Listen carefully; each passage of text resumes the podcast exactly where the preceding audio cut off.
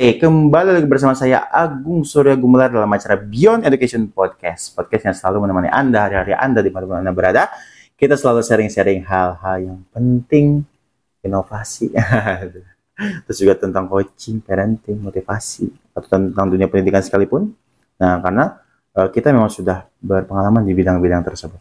Jadi silakan kalau misalnya mau langsung teman-teman ikut grupnya untuk biar nggak ketinggalan update-nya, silakan langsung saja bergabung dengan grup kami. grup kami itu ada di link deskripsi di bawah ada WA dan Telegramnya juga. Silakan langsung saja bergabung. Ya, jadi kita tidak membatasi untuk bergabung siapa pun juga bisa buat langsung bergabung. Dan juga jika ada pertanyaan silakan langsung tanyakan di kolom komentar atau di link deskripsinya. Oke? Okay? Baik, pada hari ini saya akan membahas tentang terkait hmm, sebuah isu nih ya. Memang memang sudah apa ya, sudah isu-isu ini memang sudah uh, uh, katakanlah memang sudah dari zaman dulu gitu. Di dunia pendidikan terutama ini ya, saya akan bahas tentang isu-isu yang hot di dunia pendidikan. Ah, sampai sekarang masih saja isu ini terus bergelora dan juga terus menjadi trend center dari dunia pendidikan Indonesia. Pada dasarnya dunia pendidikan Indonesia itu ya memang dikatakan tertinggal atau misalnya dikatakan dalam uh, ranking dunia pun masih jauh ya untuk pembahasan atau misalnya untuk uh, tingkat kualitasnya gitu. Yang pertama seperti itu. Jadi isu yang pertama adalah kualitas pendidikan kualitas pendidikan itu sangat sangat uh, minim gitu ya. Karena mencakup terkait tentang kurikulum yang perlu diperbarui, peningkatan kualitas pengajaran dan kurangnya sumber daya uh, di sebagian besar sekolah. Jadi di pendidikan Indonesia itu ya masalah kurikulum selalu digonta-ganti, digonta-ganti gitu ya. Sampai kita juga bingung kurikulum yang benar yang mana sih?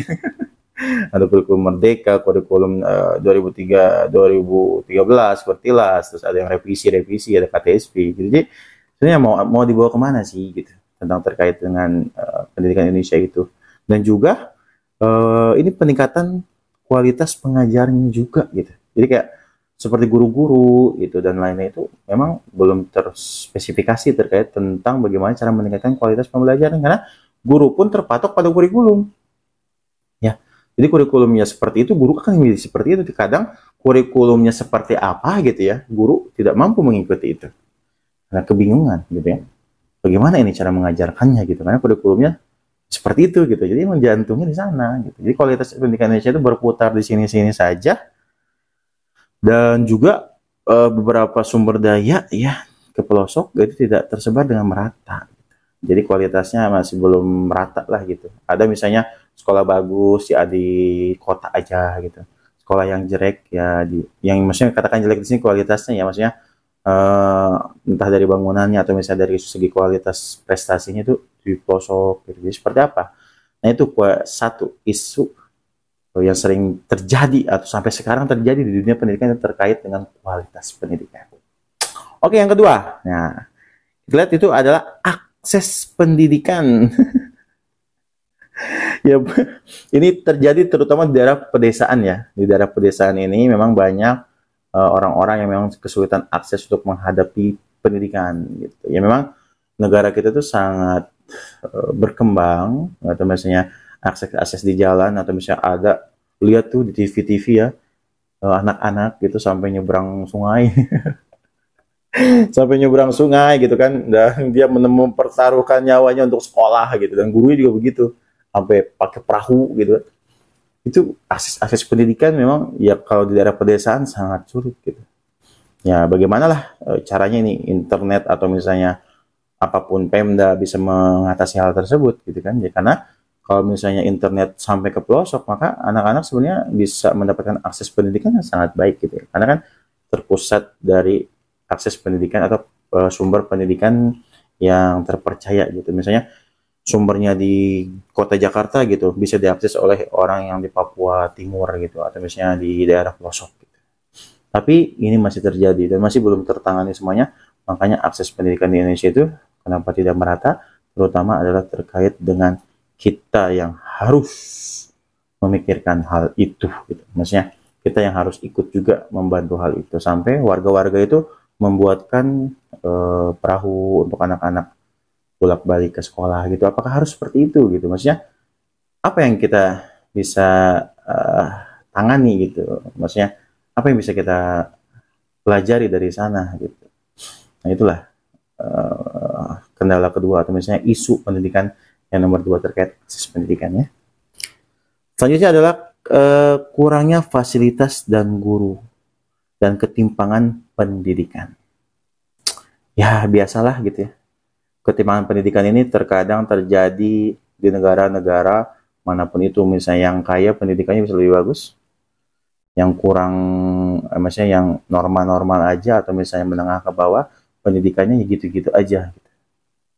ya tapi saya rasa hal ini masih bisa uh, kita pikirkan bahwa sebenarnya pendidikan yang baik itu adalah pendidikan yang langsung dari hmm, orang tua atau misalnya memang didikan orang tua. Karena beberapa kejadian seperti ada beberapa orang yang melejit gitu ya pendidikannya itu karena tidak eh, orang tuanya yang supportnya gitu. Meskipun dia dari kondisi keluarga yang kurang mampu gitu ya.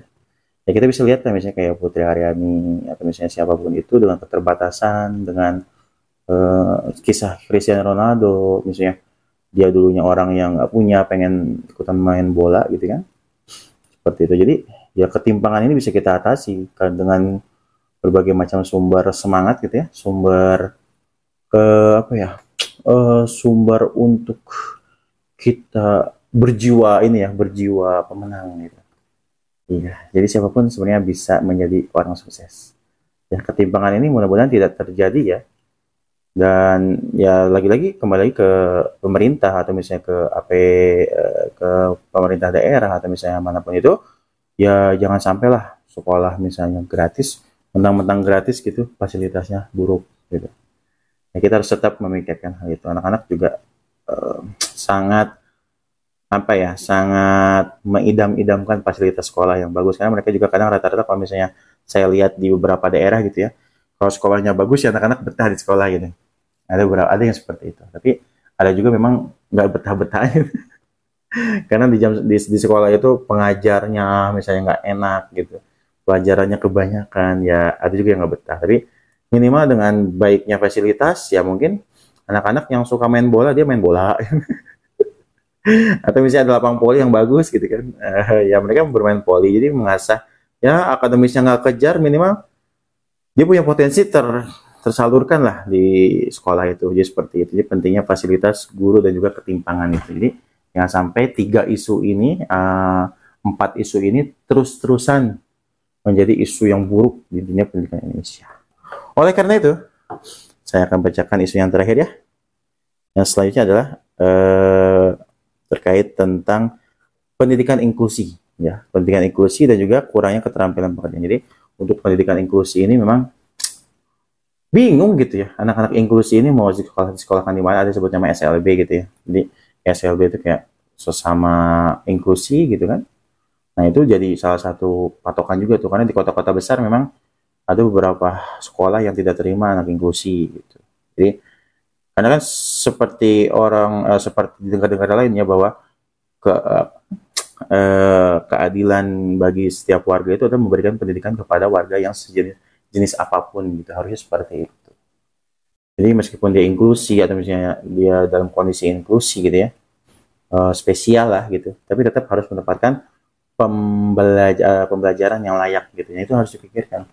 Nah di sini masih banyak inklusi-inklusi itu yang diambil alih oleh swasta gitu kan. Jadi tidak sama sekali tersedia dari negara, tapi ya harus swasta lah yang ambil program yang mengambil anak-anak yang inklusi tersebut gitu. Jadi karena tidak terfasilitasi oleh negara gitu. Ya seperti itu. Dan juga keterampilan kerja. Biasanya anak sekolah itu setelah sekolah tuh bingung itu ngapain. keterampilan kerja ini menjadi isu ya anak-anak sekolah itu sekolah itu nggak berguna ya. karena ya banyak anak yang sudah lulus sekolah tapi bingung mau ngapain jadinya pengangguran. Nah, kerjanya ngabisin beras emak di rumah. Dan juga dia tidak bertanggung jawab atas hidupnya. Ya mau bagaimana itu? Jadi ya keterampilan-keterampilan seperti itu karena kan kita juga dulu di sekolah uh, kita saya gitu ya. Saya juga dulu di sekolah ya memang diajarkan hanya akademis saja. Bagaimana cara berpikir, fisika, kimia eh, menyelesaikan soal. Setelah itu ketika saya lulus ya keterampilan saya ya memang bukan didapatkan dari sekolah gitu. Tidak dapat dari sekolah sama sekali keterampilan itu. Makanya coba sekolah ini memikirkan bagaimana sih caranya agar anak itu bisa hidup di masa depan gitu. Ini mas setelah lulus sekolah mereka diterima lah gitu di masyarakat sebagai apa sebagai apa atau misalnya punya keterampilan yang baik atau misalnya keterampilan apa yang minimal akhlak yang baik karakter yang baik jangan sekedar hanya nilai nilai yang baik aja akademis. Karena itu nggak kepake di masyarakat mah. Ya saya ini masyarakat nggak peduli anda itu mendapatkan nilai matematika berapa gitu. Gitu loh. Jadi seperti keterampilan keterampilan seperti itu sangat sangat minim gitu ya. Jadi saya melihatnya dunia pendidikan itu hanya sekadar dunia akademis saja kalau di Indonesia itu. Ya, akademis saja dimajukan gitu kan. Sedangkan keterampilan-keterampilan, potensi-potensi, bakat-bakat itu dihancurkan. Terima kasih. Saya Agung dari Beyond Education. Sampai jumpa di Beyond Education selanjutnya.